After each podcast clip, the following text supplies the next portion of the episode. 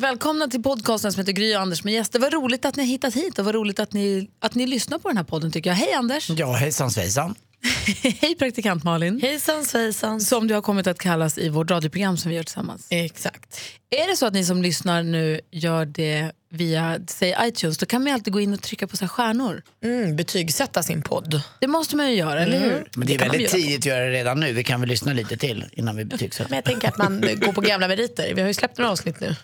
Ja, femman ligger nära. Ja, det gör den. Nej men eller hur, ni kan väl gå gärna in och betygsätta eller, eller gärna mejla oss också och säga vad ni tycker om den. Alltså, eller om ni har förslag på gäster eller vad det kan vara, hör av er. Den här podcasten är sponsrad av Dogman. Det är vi jätteglada för, så tack snälla Dogman för det. Och dessutom Storytel som ju är alltså ljud och e-böcker i mobilen. Supersmidigt. Mm, verkligen. När, man, när som helst egentligen det passar så är det bara att trycka på, på play så är man med. Ja, och har du en, alltså om du abonnerar på eller om du köper tjänsten Storytel så har du då alltså tiotusentals titlar i telefonen när du vill. Vad, om du skulle lyssna på en bok nu, Anders, vad skulle du lyssna på då? Eh, vad skulle jag kunna tänka mig? Ja, Vad kanske. är du för bokkille egentligen? Får man ta om hjärtats ljus igen? Men eh, jag Du är väl nog... också en liten deckarkille? Ja, inte? lite grann. Eh, Kvinnan vid rälsen, eh, tror jag någonting heter. Det är en, hon upptäcker någonting. Det är en dam som pendlar i Londons förorter. Och så tittar hon ut och så ser hon någonting vid sidan av spåret. Och den, den skulle jag nog kunna tänka mig. Och sen gillar jag eh, allt med GV eller Ma- Mankell eller Läckberg också. Den skulle jag kunna tänka mig att höra om. Jag tycker det är spännande också för att ibland kan ju, när man hör någonting, att berättarrösten kan ju faktiskt addera någonting till boken också. Och man kan lyssna på det på tåget eller man kan sitta och titta ut genom fönstret och lyssna eller när man sitter och kör bil. Så det är ju super ju. Jag lyssnade ju på Sigge Eklunds den här Inne i labyrinten. Då läser ju han den själv. Det är ju också himla mysigt. Om man gillar Sigge som jag gör så är det Ja. mysigt att han läser en bok för. Ja, Jag orkade ju aldrig läsa mina egna böcker för jag tyckte de var så... Det var för tungt för mig. Kokboken tänker du på nu. Vill du som lyssnar på den här podcasten prova Storytel, gå in på storytel.se Gry och Anders. Då får du Storytel gratis i 30 dagar. Det bjussar de er på för att ni är härliga och lyssnar på den här podden. Storytel.se snedstreck Gry och Anders. Do it! Lätt som en plätt. Den här veckan så gästas vi av två stycken bröder som vi tycker väldigt mycket om. Den ena är väldigt känd från Mando Diao, heter Gustav Norén. Och den andra är väldigt känd från bandet Sugar Plum Fairy, heter Victor Norén. Och så deras pappa, La... Nej! Fel, fel, fel, fel, fel, fel, fel. Det är två härliga killar från Borlänge. De har snarlika röster. Vi får, vi får kämpa lite grann med att försöka hålla isär vem som är vem. Så ska vi släppa in killarna? Det är klart vi gör. Gry och Anders med gäster. Vi säger varmt välkomna då till bröderna Gustav och Viktor Norén. Välkomna hit. Tack så jättemycket. Tack så mycket. Hur är läget? Det är bra. Gustav har ryggskott. Men hur, hur, i, hur i helvete ska det här gå? Alltså, hur ska man kunna skilja på våra röster nu, hade ni tänkt? Nej, jag vet, Nej, jag men har filmas det, här, på det här. filmas det här också? Nej. Nej, det gör inte det. Men jag tycker ni har rätt olika röster, har ni inte? Nej, Det, Nej. det har visat sig. Alltså, det är jättem...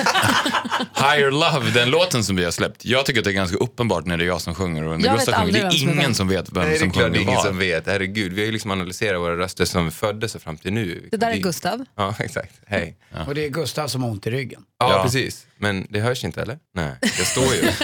Hur fick du ryggskott? Nej, men jag upptäckte hur jag fick ryggskott bara för att alltså min, min unge, alltså ska, jag- ska jag dra upp vagnen upp för alla de där trapporna eller ska jag liksom försöka få henne att gå upp i trappan? Nej, jag tar hela vagnen och bara lyfter upp allt. Med bebis i. Med bebis i, jag bara lyfter hela, Gud, hela det låter ju skiten. farligt. Ja, det är livsfarligt. Men det är värt det. Okej. och då fick du ryggskott. Ja, nu har jag fått ryggskott. Alltså. Och hur fick du... Hur, Ja, nej, men jag hade, till slut, det gjorde så ont så att jag liksom, det gjorde ont hela tiden, alltså jämt. Jag kunde inte sova eller någonting. Det sjuka är att jag var ute och, i helgen och dansade. Både fredag och lördag. Säkert Oj. tre, fyra timmar bara konstant dans. Ingen smärta överhuvudtaget. Du dansar bort Det var som en oas av liksom inte du lindring. fyra barn? Ska en fyrbarns med småbarn gå ut och dansa två dagar Ja, på men ska klubb? han vara hemma och ont i ryggen då? Det får man ju välja själv, men det måste ju finnas de som tar hand om Jo de men det är fyra klart att barnen. han ska. Alltså seriöst, det förstår ni väl? Det är ju de som ska gå ut och dansa. Nu förstår jag ju på riktigt, det här är ju vård ju. Alltså gå ut, skicka ut, va, unga ska inte dansa, det är gamla som ska dansa, det är äldre som ska dansa. Men du är inte så himla gammal va? Nej men jag menar bara att 90-åringar ska dansa. Nej, på men riktigt precis, jag- alltså. På riktigt, de ska Jag dansa. är beredd att hålla med dig. Jag hörde ett radioreportage om den, de kallar det för den dansande hundraåringen. Han var över hundra och han var ute och dansade styrdans då. Mm. Inte rave, men styrdans. Eh, varje helg. Mm. Och mådde ju, han var ju så pigg och alert och glad och härlig. Och han, sa att Han, han, hade ju, han hade ju bara yngre vänner då förstås och just nu ingen fru. För Men- Ja, men det är precis samma sak som att det är ju de gamla som ska stå på bussen. Inte, man ska, om det kommer in en gammal så ska ju man inte resa sig för dem. Utan det är ju tvärtom. För att sitta är ju det nya röka. Det finns ju forskning som säger att det är precis lika farligt att sitta som att röka cigg. Men gud, jag Så att om det kommer in en gammal person, du- nej du får inte ta min plats. Du ska stå. Det här är bra för dig. Men de är ju, det handlar väl mer om inte att de vill sitta som att de kanske ramlar omkull av bussen Och dör. När den, studsar och sånt. exakt. Det kan komma ett, en liten, liten, liten inbromsning och då är knäna borta. Hörrni, vi tänkte kolla fem första med er. Men jag börjar med Viktor Norén. Första jobbet. Oj. Det första, jag trodde också det enda jobbet, det var när jag var, gick på gymnasiet så sorterade jag julkort på posten. That's, that's my claim to job. Efter, efter postnummer helt enkelt. Ja. Ja, det har jag också gjort. Usch. Och Gustav då, första Nej, jag jobbet? jobbade på eh, vårdcentral, var, vad heter det? det heter lokalvårdare, det var väldigt viktigt, man får inte säga städare. Det är faktiskt nedvärderande att säga städare, så lokalvårdare var jag på, på ålderdomshem. Första lägenheten, Viktor. Första lägenheten det var på Lidingö. Jag tänkte att I'm gonna make it big now. I'm moving to Lidingö ska ni Stockholm. veta ni som lyssnar, är alltså den, den finaste förorten nästan i, i Stockholm. En liten ö som kallas för Det var så. Lidingö där bilarna ilar förbi. Trivdes Det gällde, dock, eh, det gällde dock mest villorna. Mm. Så att, ja, men det var, det, var, det var ganska nära stan. Men jag trivdes väl De sådär. är så hemska sådär. på Lidingö ska ni veta. Så att det finns ett, Alltså? ett höghusområde som de hade på riktigt döpt om till Negerbyn. Alltså, men gud. ja, på Det riktigt. var där jag bodde. Ja, alltså Högberga. Ja. Men Så gud, att- det är det värsta jag Ja, hört. jag vet. Det är helt sjukt. I, i folkmun. Ja, extremt omodernt. Mm. jag det. Gustav Norén, din första lägenhet, minns du den? Ja, oh ja. Jag flyttade till Falun och gick musikestetiskt när jag var 16 år eller på gymnasiet. Och då bodde jag ihop med några riktigt sådär, du vet mamma tyckte det såg ut som en knarkarkvart. Men, Det gjorde men det var, också. ja, och det var väldigt mysigt. Vi hade, du vet, potatisarna började liksom växa efter ett tag. Sådär. Och min, min kompis var så rädd för de här potatisarna så han vågade inte gå ut på, han vågade inte se dem. Han tyckte de såg så o, otäcka ut. Så att jag fick ha dem på, ni massor eller? Det låter ju lite... Nej, men man... Nej, gud. Man kan vara rädd alltså. för potatis alltså man, ändå. ja, man, är så, man är så fin. Man, det är, knark är också en typisk grej som man ska göra mer när man är 90. Liksom.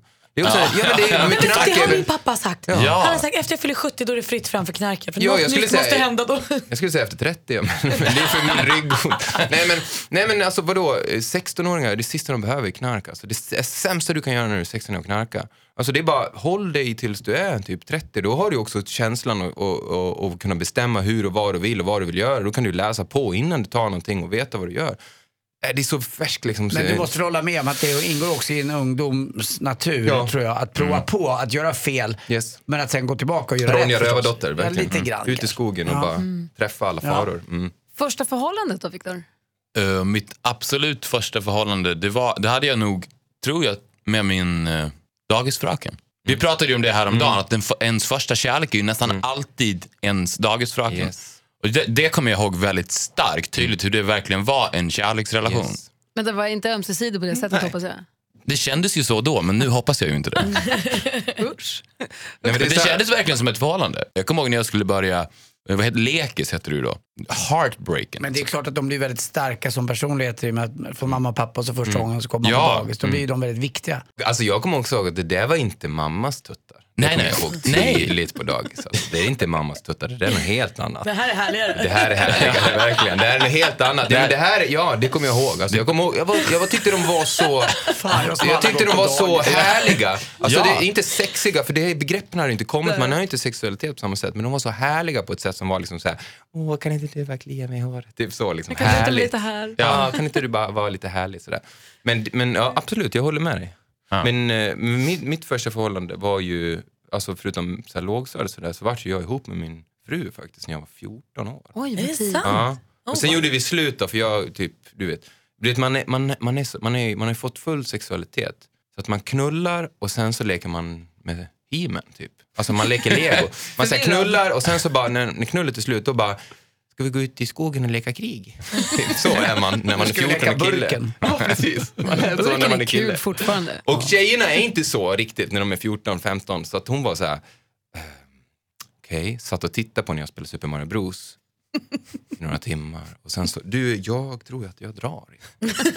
Okej, okej. Och så här. Ses en dag. Ja, så, ja. Var det henne du fick barn med senare? Ja, så vi, var, vi, vi gjorde slut sen efter ett år typ. Och sen så vart vi ihop sen när vi var 19 år. Ja, precis. Ja. Och nu har ni fyra barn och fortfarande gifta. Ja. Har ni fyra barn med en tjej? Ja, Det är ingen, det är ingen rock'n'roll över dig. Nej, absolut. Jag har aldrig varit rock'n'roll. Alltså. Nej. Aldrig. Det är, Det det, som- det är därför ganska jag rock'n'roll att ha fyra barn. Alltså. Ja, det är Vilket jäkla folk- liv. Folk tycker jag är lite konstig också för att jag är liksom inte...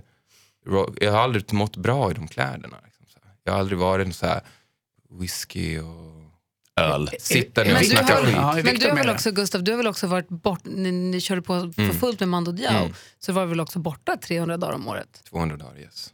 Så då blir det ju ändå det livet ju. Ja, ja, verkligen. Men jag, jag, jag, verkligen, jag mådde ju superdåligt av det livet. Av att, okej, bara... Okej, jag kan höra den en gång, två gånger, tre gånger, fyra gånger, fem gånger, sex gånger. Men att gå till Debaser varenda kväll i vilken jävla stad du än är och stå där i de tajtaste byxorna så du inte knappt kan få barn efteråt. Och den där skinnjackan och bara... Och jag bara kollade mig runt omkring och såg hela världen och såg liksom all så här karibisk kultur, latinokultur, arabisk kultur och alla bara dansar, alla bara kul. Och så står de här med varsin och alla bara fan vad tung låt alltså. Och det bara är... Så att jag liksom aldrig... fantastisk. Du dissar hela din... Ja men alltså, den, nej, men den är väl bra, visst, visst den är bra, men det är det enda ni gör eller? För, förstår du? För det är inte musik de håller på med. För de, de, är liksom, de håller bara på Vilka med, med alltså den stilen som är så liksom. Det är inte musik utan det är typ så här gubbar som samlar på eh, ånglok eller något. Alltså förstår du? Det är bara någon så här frimärkssamlare. För att om det var musik de höll på med då skulle de väl inte bara spela samma låt och bara spela samma instrument och ha samma kläder och dricka samma grej och allting är bara det är som att de har satt sig ner på en härlig fåtölj och så bara, "Nej, nu sitter jag ett tag. Men stoppar du in Mando Diao i det facket? Ja, alltså, jag försöker komma ur det hela tiden med Mando. Det var ju det som folk tyckte var konstigt. Liksom. Alltså, jag tyckte inte det var konstigt att försöka vara, liksom, men typ dansa med alla inom alla Fast när du sammanhang. säger det så här, då låter ju du som den sunda egentligen. Nu har Ja. jag inte hört de andra, men när jag hör dig säga så här som att ni hade fastnat i någonting och du verkar vilja vara intresserad av andra saker också. Att livet är ganska kort. Ja, verkligen. Och jag tycker verkligen att det finns många fel inom musikbranschen. Och en är ju det här kortsiktiga, liksom, att det är en stil och det är en platta och det är en låt och det är en artist och sådär. Men jag känner liksom att jag vill ju leva tills jag är 115 år, 130 Jag sitter mest och funderar på att jag har suttit på den här stolen i 12 år.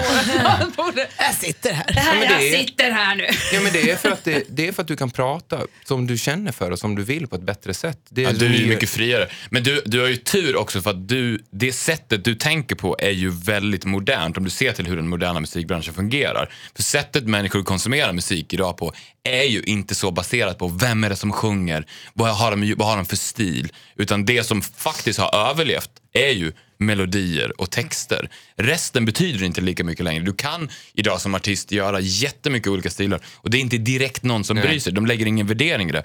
För att också formatet skiva, nu ska vi göra tio låtar som är relaterade till varandra och låter likadant och representerar den stilen som vi står för Men och lite så vi hårdrock och sånt är väl fortfarande lite Ja, det kvar finns ju. va? Ja, ja, men det finns ju absolut. Som en, men den, den stora delen av musiken, alltså den populära musiken, popmusiken, är ju inte så längre. Vilket ju är skönt. Och det är ju väldigt befriande. Och det är mycket så vi har jobbat också nu med State of Sound till exempel. Vi har pratat om State of Sound. Jag tycker det är jättekul att ni har gjort det lilla samarbetet. Och jag älskar ju låten. Higher Love är Mm. Ja, fantastisk. Mm. Men vi har två kvar här. Det går sakta men säkert framåt. Första sorgen, Viktor. Uh, första sorgen, och den sorgen var så stark också, det var ju när Christian Gidlund gick bort. Alltså min äldsta barndomsvän och han spelade trummor i Sugarplum Fairy. Jag, jag kanske trodde tidigare att jag hade upplevt sorg, men det hade jag ju inte. Nej. Eh, att sättet när en person som är en så pass nära, som är lika nära som ens familj, också en person som jag hade umgåtts med nästan mer än Gustav under 10-15 år blivit väldigt nära, rycks bort den tidigt, då kände jag ju en sorg som jag aldrig tidigare har upplevt. Vilket också ledde till att jag kände att innan det här har inte jag känt sorg, för det här är sorg. Hur förhöll du dig till det där? För att han dog ju inte direkt i någon bilolycka utan det var en långsam... En lång process, ja. Ja, hur, gjorde, hur förhöll du dig till det? Var, kom du honom närmare eller blev det... Ja, det gjorde jag. Eh, Alltså sättet han hanterade hela sitt öde var ju väldigt fantastiskt och också jag vet, hans största dröm hela, i, sen han var ett litet barn var ju att bli en respekterad stor författare och få skriva. Och han försökte ju, slog sin skalle blodig innan han blev sjuk, men han fick ju inte det. Så att det blev ju också hans lott i livet. Att det här, och han tog ju verkligen den chansen också. Jag har svårt att se hur jag skulle kunna göra det om jag fick en dödsdom på det sättet. Att verkligen maximera den tiden. Och Han maximerade ju sin potential också, vilket gjorde på ett sätt att han levde ett helt liv. Alltså även om han bara blev 29 Men han år. levde ett helt Ja, liv. men även om han bara blev 29 år så gjorde han allt. När, när de sa till honom så här, du har, nu har du ett år kvar. Då tänkte han så rationellt att okej, jag har ett år kvar. Vad skulle jag ha gjort om jag blev 75? Det skulle jag ha gjort. Okej, då ser jag till att göra det det här året. Så är jag klar. Vilket är ju helt unikt. Och så finns det de som lever ett helt liv men inte lever ett helt Nej, liv. exakt. Ja, exakt. Och hans mamma sa det till honom också, du är ju 90. Du är som en 90-åring. Och när han, när han till sist då gick bort, var du förberedd då? I och med att man hade haft den här transportsträckan. Kan man förbereda sig? Nej, det kan man inte. Jag slogs, jag slogs, jag var ju mycket... Slås av det hela tiden fortfarande. Eh, det är ju, men jag har också fått en nära relation till honom på ett sätt som jag inte har med andra. För att jag, jag känner hans närvaro, jag drömmer väldigt, väldigt realistiska vardagliga drömmar om honom där jag umgås med honom och pratar med honom. Och Det blir ju väldigt så när du är mitt uppe i livet och du har familj och du har ett jobb och du gör saker konstant hela tiden. Det är ju väldigt sällan du stannar upp och jag gör nästan aldrig gör det en gång i halvåret. Att sätta mig ner och prata med mina kompisar. Mm det är som att den tiden inte finns längre men med Krille gör jag det hela tiden. Jag slogs ju av sorgen med Christian på begravningen. Alltså jag, jag hade ju, någon, på något sätt så kände jag att nej men det här är mina bröder. Alltså Christian bodde bredvid oss eh, i Kvarnsveden i Borlänge. Han bodde granne med oss, bara på andra sidan, en, en liten dunge. Liksom. Och han hade ju hängt med Viktor och Kalle, då, mina småbröder, i hela sitt liv. De hade lärt känna varandra på i skolan på mellanstadiet, lågstadiet. Liksom. De blev kompisar. Och när han blev sjuk så Ja, då var det ju väldigt mycket sådär att vara med mina bröder nästan. Alltså att, att vara där för mina bröder och bara vara... Så att jag tog inte ut någon sorg förrän det var klart kan man säga. Och då kom det bara som att liksom, bara, någon häller iskallt vatten över huvudet på det, mitt på begravningen där. Liksom. Och, och den var ju eh, både så här, renande, för den fin- det finns ju en anledning varför man sörjer. Det, är ju, det, finns Det är också anledning. mitt i allting så är det en härlig känsla. Ja, konstnär. ja. Att bara att man lyckas tillåta sig att känna även sorg. För den finns ju där, lika väl som ett skratt är närvarande så borde egentligen gråten vara lika närvarande. Men faktiskt, ja precis. Vi pratade, vi pratade faktiskt om det, jag och Farao igår när vi spelade in podden. Att när, för att det är så konstigt med just när man ska gråta. För att när man, när man känner de känslorna i sig så är det som en naturlig reaktion i kroppen att trycka bort dem. Men när man bara släpper sig lös för det och bara, om du känner så här, nu ska jag börja gråta, så bara börjar du gråta så är det så skönt. Jag tror att ett gott gråt förlänger livet. Ja, Ja, verkligen, absolut. verkligen. Alltså, Alltså, är antagligen mer än ett gott och, skratt. och just det här med också att det förstärker livet och frågan är vad livet är. Som du säger, att man kan vara 90 om man inte levt. Verkligen. För just det här med vad är livet? Men ett liv med gråt och skratt och så här, tunga så här, meningsfulla mm, händelser, det är ju livet. Alltså den här illusionen som vi lever i, att man ska liksom, först ska man ut och supa och festa och sen så käkar man efterrätt och sen går man på bio och sen går man på fest och sen går man, liksom att vi vill inte ha den där jobbiga grejen utan vi vill bara ha den här häftiga festen. Och då har vi tappat vad livet egentligen är. Att livet är liksom upp och ner, sol och, och, och natt och, och torka och regn och, och sorg och glädje. Och fest och fasta har alltid funnits i alla kulturer. Det har varit viktigt med de här fasta sorgmomenten. Men vi försöker tränga bort det i vår tid. Ja, Vi vill bara, om det Vi är yin eller yang vet jag Ja. inte, men vi vill ha en av dem. Ja, verkligen. Exakt, Ha exakt ett snyggt det. filter bara och gå vidare. Ja, lite grann. Första bröllopet, Första bröllopet som jag var på. som, vilket du vill, som du minns eller som du Mitt, var mitt på, första eller? bröllop. mitt första äktenskap. Åh, det var härligt. Har du haft fler? Nej, det har jag inte. Nej, Det första bröllopet som jag minns, eh, oj, det måste ha varit något familjebröllop. Gick vi på bröllop? Jag har inte någon minne av det. Nej, bröllop fanns inte riktigt i vår Ni kultur. måste ju haft något masbröllop när ni Ja, gick men det och känns ju så. Men jag, nästan- våra föräldrar jag tror var nästan att det var, proggare. jag tror faktiskt att det var Gustavs bröllop. Ja, det var nog måste mitt vara. första bröllop. Hade du Och någon mina, uppgift alla, där? ty- alla tyckte det var lite konstigt att jag skulle gifta mig. Det, var liksom, det fanns inte riktigt sådär jätte... Det var lite sådär udda. Så att, Ja, jag var, jag var, Varför då? då? ja men för att det finns... Ja, nej, men vi, vi var inte vana med det. Nej. Nej. men jag var best, nej inte best man, men jag var marskalk. Ja, ja, du Jag, jag trodde att i småstäder så gifter man sig- i. I småstäder gifter man sig ganska tidigt för att urvalet är inte lika mycket och att det är tryck på att man ska skaffa barn Ja, men tidigt. så är det. bara. Ja, men Men så våra är- föräldrar är lite så här, de flyttade till Borlänge, de är socialarbetare, de är lite gröna vågen och lite progg och de tyckte väl det var lite så här borgerligt och lite konservativt att gå in i en kyrka och gifta sig. Så de liksom gjorde det mest, skrev på något papper fick det det överstökat. Exakt samma uppväxt. Mitt bröllop när jag gifte mig, det var det första, bröllop som min, pa- det första kyrkobröllop som min pappa någonsin har varit på. Och Så inte- kommer att gå på. De andra gifte sig aldrig. Så att. Nej, vi får se. Och hur var ditt bröllop då när du gifte dig? Ja, men det, var, ja, jag, jag vet inte, jag, det var ju fantastiskt. Det var ju helt eh, makalöst tyckte jag. Var gifte ni vid Siljans strand? Ja eller? men du vet, verkligen. Gammel, gammelgården i, i Dalarna. Det var så här 30 grader varmt. Vi hade kusiner, Dalälven är det ju. Dalälven. Ja, vi, vi, vi har kusiner från eh, Frankrike, från södra Frankrike som kom och hälsade på och eh, en av dem svimmade av värmen. Man bara boom! Välkommen till Sverige, färskingar. Hur är det att komma ifrån Borlänge? Jag såg dig Viktor, du pratade i någon intervju, var det hos Malou tror jag, på TV4, så touchade ni lite grann hur det var att växa upp och komma från Borlänge och inte vilja riktigt identifiera sig med det som Borlänge, jag ska inte säga stod för, men den stämpel som Borlänge har fått. För att för mig, jag är född 73, så för mig har ju Borlänge alltid varit liksom Sator och Ja. Så här, bra rockband egentligen. Ja, Dala Dahlqvist och Göran Arnberg, Brage-laget. Brage. Vi tappar aldrig taget. Det är jag för ung för. Inte ofta jag nej, kan men- säga, men det är jag för ung för. men men vi- sen har vi- det svängt sen Ja, dess. ja, men när vi växte upp också så hamnade vi väl i någon form av mittemellan generation. För att precis som Anders sa, Brage var ju väldigt framgångsrika på 80-talet, men då var ju vi för små. Sator var ju framgångsrika och Stonecake på tidigt 90-tal. Då var vi också fortfarande för små. Sen, och vi hamnade ju mitt emellan Brage, Sator, Stonecake och Mando Diao som kom sen och 20 Plan Ferry. Och vi, där blev det ett tomrum och det var ju då eh, familjen, som de kallades i svensk media, härskade i Borlänge. Ja, det Fick var stäm- ju det värsta terror. Ja. Det var just det, de bestämde ju. det var, ja, och det, det var ju stämplat som Sveriges Chicago. Det var väldigt mycket knark och våld. Och det var ofta mord. Jag kommer ihåg, nästan varenda nyårsafton så läste man dagen efter ja, mordet på stan. Så det gjorde ju att man isolerade sig ju helt. Alltså vi, vi i 20 Plan Ferry hängde ju jättemycket på en um, ungdomsgård nere i källaren i deras replokal. Och vi gick inte upp, den låg i stan, vi gick inte upp och gick ut på stan utan fortsatte repa på grund av att vi inte vågade gå ut och gå upp på stan. Och vilket ledde till att vi stannade kvar i replokalen. Det var så här, vad ska vi göra för någonting? Här är vi trygga. När vi spelar en till låt då. Och sen en till låt. En till låt. Och sen så var vi nere i källaren. Hej pappa, kan du komma och hämta oss på stan? Så körde han upp och sen så Men sprang vi var upp, det hoppade så? in i bilen. Och den känslan var ni inte ensam om menar alltså. Det var hela Nej, Borlänge ja. genomsyrades av det här Ja. rädslan för familjen. Rädsla överhuvudtaget. För Ja. att det, det, som, det som jag har varit rädd i hela mitt liv, det är väl det, det som, den känslan som jag har upplevt flest gånger. Jag har varit rädd och, och grejen är att när du är rädd och, eh, för en grej, då vill du liksom göra något annat. Men egentligen rädslan bygger på att du känner att du vill vara cool eller rätt.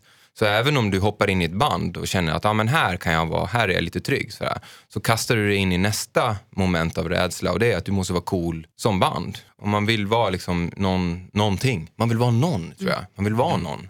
Och det var ju precis så familjen också kände. Ja, naturligtvis. Jag menar det, att den finns överallt. Vad Alltså, var familjen för Exakt, några? jag undrar också, vad Ja, ville men de? familj- Vilka var Nej, de? det var bara en intervju. De sa så här, men vi är som en familj och sen började typ Expressen och någon skriva vilka var om det. de som- då? Ja, Var jag det vill bara inte, jag vill inte, bråkstake? pra- jag vill Nej, inte okej. prata om dem, men, jag vill inte, men de finns Nej, ju och okej. de är ju fortfarande, de är väl 71 år, 72, 70. Eh, och, ja, men problemet som Borlänge har haft är ju, det är ju naturligtvis en, en bruksstad. Och eh, Borlänge har alltid tagit in väldigt mycket fosterbarn, gjorde de, 70 80-talet. Och eh, de eh, fick med de här fosterbarnen så fick de liksom lite problem då av eh, Fick inte tillräckligt gängbildning. stöd och support i det då? Det, Gängbildning, fin- ja. ja, det finns ju faktiskt en bok som heter När knarket kom till Borlänge. Som handlar om när de startade ett behandlingshem i Borlänge. Som är min och din pappas barndomshem. De tog in jättemycket knarkare från hela Sverige till pappas Alltså typ som barndomshem. Hassela var förr i tiden. Ja, men sen så la de ner det efter typ tre månader så att alla de här knarkarna blev kvar i Borlänge. Ja, men det Så finns en anledning det pappas fel. Det, ska finna, det finns en anledning också. Borlänge är väldigt, väldigt sådär, de säger att det är den sista öststaten. Liksom. Borlänge är, det är ett jättespeciellt område för det är så himla vänster. Det är så rött och det är inte vänster sådär som i Falun där de är sådär radikala vänsterpartister utan de är sossar. Liksom. Och de har sina fackförbund och det är LO och det är liksom väldigt starkt och vilken fritidsgårdskultur de har och vilken liksom, kommun, kommunmusikskola de har och vilka möjligheter man har utanför. Och de här fritidsgårdarna är så viktiga i Borlänge och kyrkan samarbetar och NTO samarbetar och nykterhetsorganisationer. Alla sliter arslet av sig för att få bot på sociala problem. Så de här fritidsgårdarna är helt underbara och där är det faktiskt ett hem för många av de här. För jag vet de här värstingarna, de kunde inte gå hem. Deras farsor slog dem, på riktigt slog dem. De kunde inte gå hem, det fanns inte en möjlighet för dem att gå hem. De var tvungna att hänga på de här fritidsgårdarna. Så att även värstingarna naturligtvis, de hamnar ute på gatorna för att de inte vill vara hemma. Och Borlänge försöker i panik ta hand om allt möjligt. Det är därför Borlänge tar, så mycket invandrare nu. Ja, men för att de är i samma mentalitet. För det som överraskar mig så mycket när jag ser då Filip och Fredriks trevligt folk med eldsjälen Patrik eh, och Somalien, eh, alltså så mycket somalier som bor där och som de ville skapa ett bandelag för och spela bandy-VM. Det som överraskar mig med det ni berättade om alla fosterbarn, det Borlänge har varit med om och att det nu är så mycket eh, somalier där och mycket annat. Att, det ändå, att toleransen är så låg. För när de gick ut på stan och pratade med oss så var det så här, det är, man ser mer svart än vitt. Att det är så rasistiskt och att det är så snö. Men- Jag tycker men- att det borde vara en Nej, del den- av det och att man fast- borde ha anammat det. Liksom, Fast den rasismen är inte riktigt den rasismen som jag känner som rasism. Bara för att den rasismen är, finns i Borlänge på grund av att integrationen är en tuff grej. Liksom. Mm. Och jag ser inga invandrare på, i Vasastan, jag ser inga invandrare på Söder, så jag förstår att de inte är rasister där. Men när, när 10% av befolkningen är somalier, liksom, Ja, det men är- jag förstår, men, jag menar, jag är då måste du ta integrationen på riktigt. Och när du lägger integra- integrationen på ett, ett, ett samhälle som Borlänge som alltid haft sociala problem, ja det blir tufft. Det blir tufft för långtidsarbetslösa och, och de blir, inte rasister, men de tycker det är jobbigt. Det var jobbigt innan tycker de och så får de Ja, alltid det förstår jag, men jag tänker så här-. Jag är uppvuxen i Botkyrka och Mm. så här, för mig är det då Jag tycker att stämpeln på Botkyrka utifrån är Mm. en, men vi som har bott där och levt där, för oss är det inte så jäkla konstigt. Det har alltid varit invandring, det är så det är och det är så vi har. Alltså, så här, Ja, för jag håller det är mångkulturellt. Jag tycker att den ja. blicken borde vara utifrån mer än inifrån Borlänge. Min, de erfarenheterna jag har. Men, men, men Borlänge, är, har, Borlänge har mycket rasistiska tongångar, och, eh, men det har ju Botkyrka också. Jag har en kompis som är uppfödd i Botkyrka och, och eh, han är chilenare och han, han kommer ihåg att eh, lärarna delade ju in dem i, i, i hö, höghus och låghusbarn. Alltså, när jag gick i på lågstadiet hade vi internationella klassen dessutom. Ja, exakt. Så det Alltså, var liksom såhär, låghusbarnen ni får hänga här och höghusbarnen ni får hänga här. För låghusbarnen var ju mycket snällare då. Det var ju liksom eh, villor. Vad Jag, tänker jag, du har Anders? också, jag har också haft det tufft. Hur var det på kändisskolan? Nej, men jag, jag tycker om när man- Malin berättar om sin upplevelse som Botkyrka, för jag är ju uppväxt på Östermalm.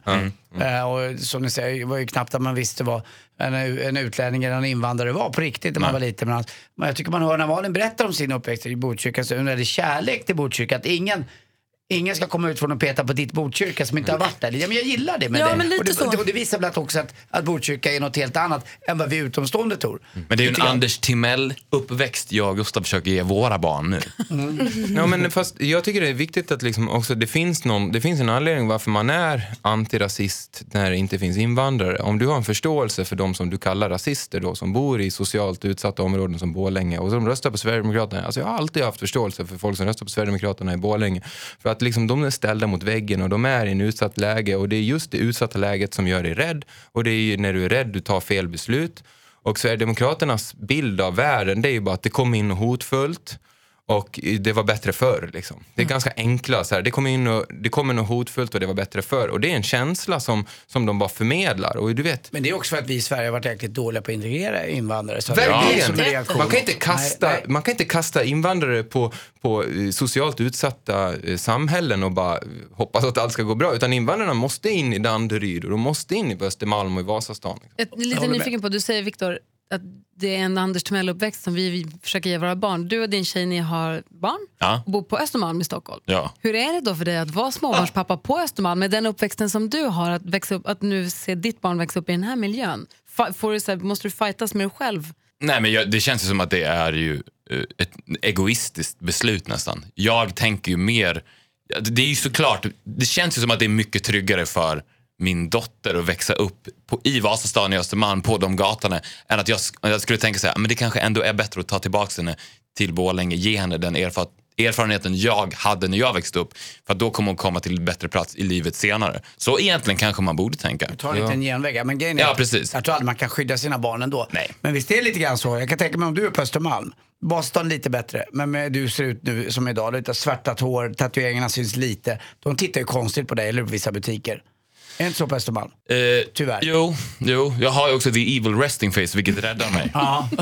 För att jag tittar tillbaka på dem och då backar du de ger bara. dem igen Ja. alltså. Ge Anders evil resting face och se. Oj. Han ser inte snällt ut. Ja, jag tror att du, du. Nej, men de, de, alltså, när jag är på ICA så, så flyttar de ju på sig så jag får gå före i kön. Det här kommer en snattare tror du. Ja, Mm. Ja, Undrar vad han har på sig. Det blir nästan ännu mer effektfullt när du håller en liten tvåårig flicka under Ja, han, armen också. stulit ett, han har stulit ett barn också. Higher Love är ju en fantastiskt härlig låt. Ja, tack så jättemycket. Som jag har förstått det som så är det Gustav som spelade in en liten snutt, en liten sångsnutt. Som sen State of Sound som är ditt band Viktor. Säg nu med lite frågetecken för jag har inte riktigt fått klart för mig konstellationen. Jo, men alltså, så, precis så här. Så, var- alltså, jag, jag tänkte ju dra ut. För jag hade ju gjort i ordning en liten mobilstudio. Och då ville jag inte vara kvar i en vanlig studio. Utan då tänkte jag så här, men jag kan spela in var som helst. Och då ville jag liksom utforska de vackraste ställena på jorden. Så att jag åkte upp i, i ingenmansland i Lappland och hängde där i tio dagar och, och, och utforskade sen vad, vad som hände kreativt. Det som hände då var ju att jag blev otroligt eh, sentimental och blödig och eh, började sakna människor. Var det då vi också fick se på din Instagram, alla mm, skogsfilmerna? Ja, precis. När, ja. när börjar det kicka in? Hur många dagar tar det? Alltså jag mådde ju superdåligt i tre, fyra dagar och sen så började jag förlika mig med att okej, jag är här nu. Men, eh, men jag blev ju väldigt, väldigt beroende nästan av så här musik som jag hade i min dator och i min iPad. Och bland annat så hade jag en låt som Victor hade skickat till mig och som han och hans kompis Jocke hade, hade gjort. Som var ett beat med en, liksom en melodi och sådär. Och så fanns det en instrumental också, versionen. Och jag hade den där som gick bara i mina hörlurar. Så jag gick omkring där och bara sjöng, sjöng, sjöng till massa olika melodier till den här. Var jag än var så sjöng jag det. Det var som ett sätt för mig att connecta och kommunicera. Det fanns ingen telefon, men jag kunde sjunga med Viktors röst, med Viktors melodi. Och det var min bror och det var liksom första gången som jag kände det där. Så, så jag gick omkring där och bara sjöng på den här melodin. Viktor då? Man sjunger exakt som jag. Det var väl någon form av connection med mig själv också. Och en Är av, ni, är ni lika musikaliska du och Viktor? Ja, jag Ja. vet inte. Vi, för musikalitet har jag aldrig sett som en, en gåva som man får. Utan det är bara liksom en... Alla, jag, jag har lärt mig att alla människor är exakt lika musikaliska. Och sen har man Nej. olika... Jo, Nej. nej, Nej, nej. jag är ledsen. nej. Nej. Men, men det man kallar musikalitet, det är liksom ditt förhållande till begreppet med mu- musik.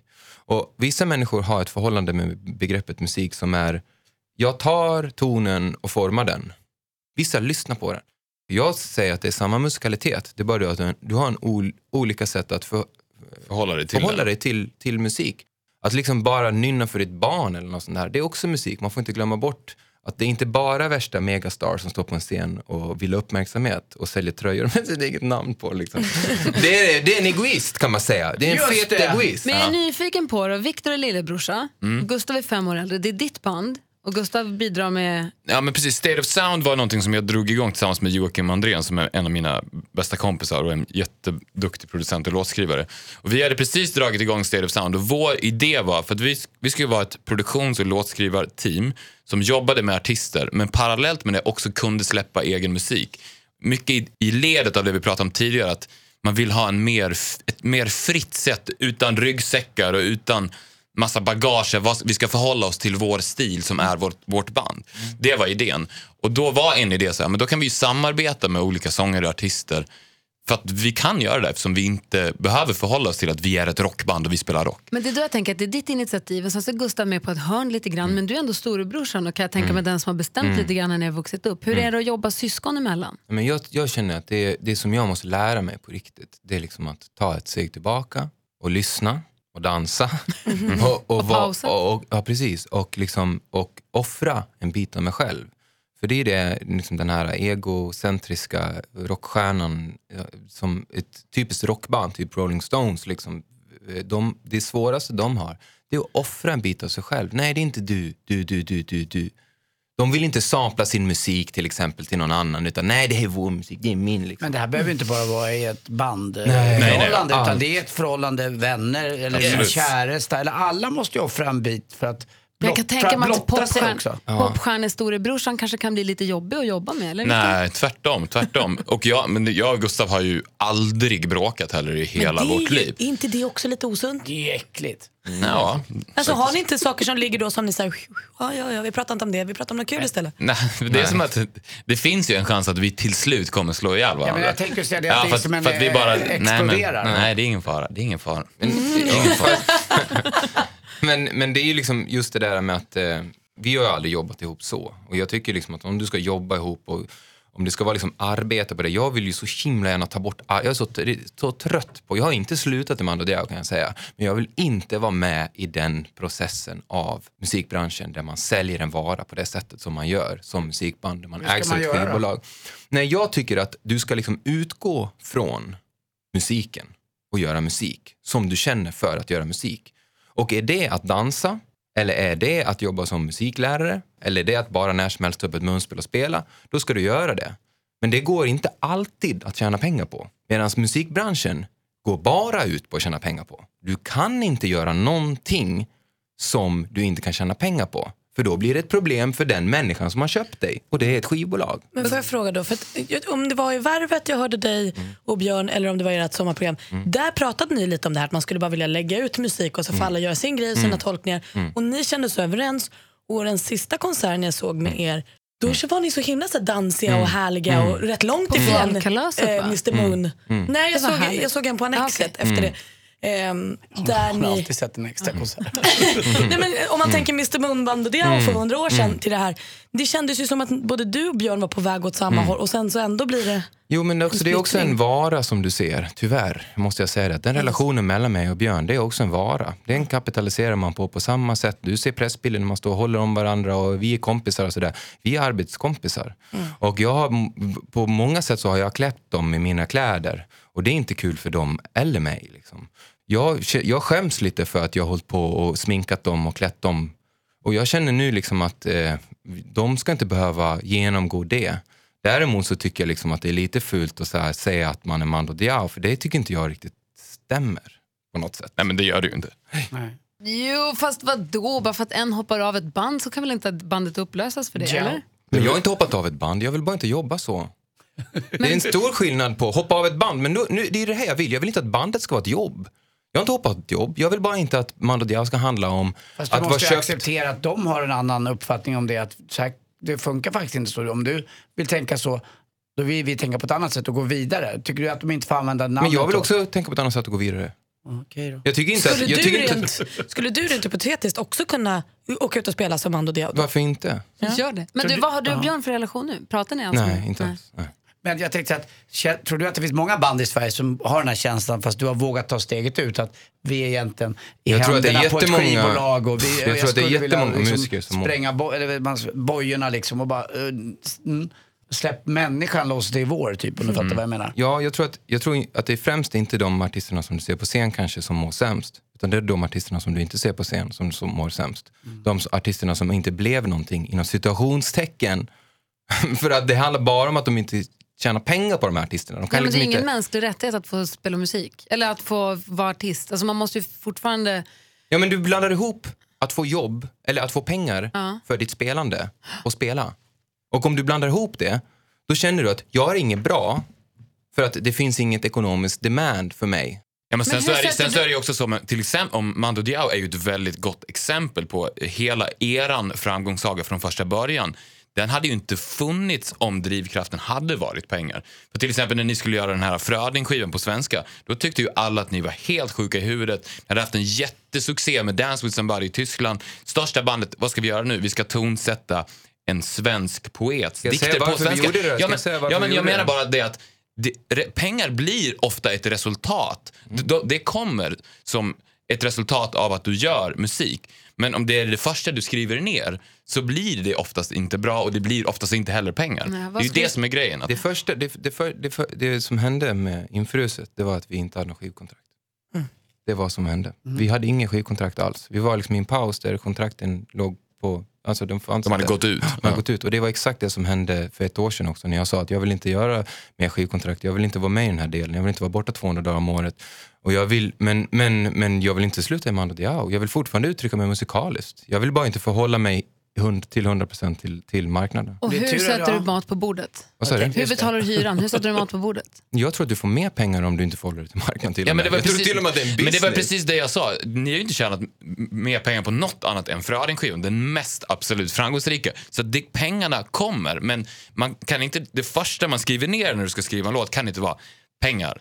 Okej, hur kommer vi till pengarna? Vi måste göra en hit. Okej, då gör vi på det här sättet. Men till exempel Higher Love, den skapades ju på ett sätt som var mil ifrån pengar. Den går hur bra som helst. Ja, precis. Så att jag, har- alltså jag har haft 15 års erfarenhet i den här branschen. Så att jag, jag är ingen så här flummare som bara "Åh, jag skiter i er. Jag på riktigt rationellt har sett hur branschen funkar och den är inte bra. Det är inte bra för någon. De är, jag tycker att de är zombies. Men märker du att skivbranschen då, stora, de här vad det nu heter, stora bolagen försöker kväva dig lite grann och att du, inte, att du är en upprors, att du är som Nils Dacke var? Nej, kommer jag, jag, jag, nej, tvärtom. Alla, alltså, det, så fort man säger att man inte vill ha något med marknaden att göra, då blir marknaden helt galen. Jag har aldrig haft så mycket samtal som nu. Men jag Ja, det är tror det jag liksom, menar, alltså, att du verkligen. upprör. Nej, men alltså, det som jag tror, jag tror inte heller att det, det är liksom inte skivbranschens fel. Jag tror att den här problemet, man kan inte säga så här, skivbolagen är dåliga och skivförlagen är dåliga. Det har inte med det att göra. Utan den här, för, för det första finns det här problemet överallt. Alltså det är i i tidningsbranschen kallas den klickonomin och i matbranschen kallas det att det är socker. Och det liksom handlar bara om någon form av ytlighet, att man bara vill ha en snabb kick. Mm. Tre minuter poplåt, pang, bom, ba, ba, ba, ba. Men kultur är något annat. Liksom. Kultur kan vara en lång sån här eh, tibetan singing bowl. Hör du som- det Christer Björkman, vad vi snackar om här? Det finns väl alltså, olika typer ja. av kultur? Nej. Ja. Jo, tre minuter poplåt kan också vara kultur, men det kanske är en kultur som inte passar dig. Nej, men det kanske är en kultur som inte passar människan. Vi kan väl få vara olika? Tack ska du ha för att du kom hit. Vi kan väl få vara olika, Gustav? Det gör väl inget? Nej men alltså den, den, den, den grejen passar marknaden. Jag bara säger det, den passar marknaden väldigt bra för det är en enkel Precis vara som som socker är gott. Det måste få vara så också. Exakt. Och Och det är exakt. skönt att sitta på bussen. Jag Ja, men det är sant. Jag har alltid älskat den här tre minuters poplåten så länge jag har levt. Jag har alltid, alltid älskat den. Och så det är egentligen som jag eftersträvar, det är mer balans inom kulturen. Mer balans. Ja, men precis som att vi pratade om sorg och glädje. Ja, det kan inte bara, du kan inte äta godis hela tiden varje dag. Nej, för inte då, bara, ah. lördagsgodiset blir inte lika gott. Det blir Jackson, inte lika Jackson, gott. Brown, Jackson Brown kan man lyssna på varje dag. Ja, oh, ja. Vi har en frågelåda med lite fr- olika frågor. Det är olika avsändare till de här frågorna. Några kommer från redaktionen, några kommer från tidigare gäster faktiskt. De får varsin, eller hur? Va? Men Ja, det tycker jag. låter vi lillebror börja då. Ja, Viktor börjar. Ska, jag, ska jag eller Gustav svara på den här? Ja, du svarar på den. Hur mycket pengar har du på banken? Oj, vad kul. Så passande. Jag vet inte hur mycket pengar jag har Har på banken. nya, har den nya, nya singeln gjort dig rik? Eh, ja, På riktigt? den är på väg att göra det. En låt alltså? Ja. Jäkla snabbkonsumerare. Ta en till Men jag då. vet inte. Ta Jag en till vet, om jag den är vet svår. faktiskt inte hur mycket jag har på Men banken. du måste ju svara Bob Marley-svaret. Vad är det? Ja, What is exakt. money? What is Så. money? What is wealth? Liksom. What is richness? Okej, jag kommer fråga Are you två rich? då. Vad står det i ditt senaste sms? Ska jag kolla det? Jag Jättekul. tror, ja, det här är roligt. Jag ringde Gustav precis innan vi skulle hit. För att, för att jag fungerar ju nu när vi inom citationstecken jobbar ihop som någon form av manager till Gustav också. Jag styr ju upp taxiresor och sånt där. Så jag ringde honom och frågade, sitter du i taxin när vi skulle hit för att spela in podden? Då svarade han, nej, jag sitter på toa. Då smsade jag vår, vår gemensamma kollega Jocke och skrev, haha, pratade med Gustav nyss. Jag frågade, sitter du i taxin? Han svarade, nej, jag sitter på toa. Och så drar Gustav väl av från lådan. Vad tycker du är pinsamt att handla? Ja, verkligen. Alltså, jag har fortfarande problem att handla kondomer. Alltså. Använder du Det är därför jag har så många barn. Jag tror faktiskt aldrig att jag har köpt kondomer Nej, affären. inte jag heller. Jag jag har fått dem i skolan eller så. När man var liten. Näcken. Funkar det? Jag, tycker det är så det jag tycker det är så pinsamt att säga till henne så att jag ska hem och knulla. Liksom. Jag tycker på riktigt att det är Jag pinsamt. Nej, men jag, och jag, och jag, och jag köper inte kondomer alltså. Tänk Jag att det inte det. är så då. Vad är det? Verkligen, vad är det? Det liksom? borde egentligen vara att man ropar kondomer också! Ja, man Två springer in på, Ica va? Ska jag med? Nej, bara kondomer. High Enda five vill ha. av folk. på vägen ut då. Och du behöver inte ens säga att du ska ha kondomer, de bara lägger upp det för de ser på dig energin. Nu att det finns bara en sak han ska ha. stenhård. Vad roligt. Hörni, vad kul att ni ville komma förbi. Tack så jättemycket att vi fick komma. Roligt. Viktor och Gustav Norén, State of Sound, Higher Love, spelar om och om igen hela våren. Världens bästa köra bil mot Ja, våren-låt. verkligen. Man flyger iväg och flyter iväg på Och musikvideon har vi inte ens pratat om för den är också ashärlig. Ja, den är Jättegullig. Ja, tack pappa Norén för att Sommar han filmade så 94, mycket. verkligen. Har vi två timmar att snacka om era frisyrer på den videon? Ja, du kan inte ha en podd med min morsa? Jag ska också börja snacka med henne. Och ett eh, podcasttips från en podcast till en annan. Viktor och Faros podd, Mm. eh, som Viktor har ihop med Faro och, och Grot, är ju jättekul. Ja, Där den. håller jag faktiskt med dig, att den har blivit bättre. Du ska lyssna på den kanske? Jag det. Tack ska ni ha. Tack så jättemycket. And I know all the pain will be over when you carry my weight on your shoulder. I want you higher, love, cause there's no sky above. There's a light coming on the horizon that forever will shine like a diamond. I want you higher, love, cause there's no sky above.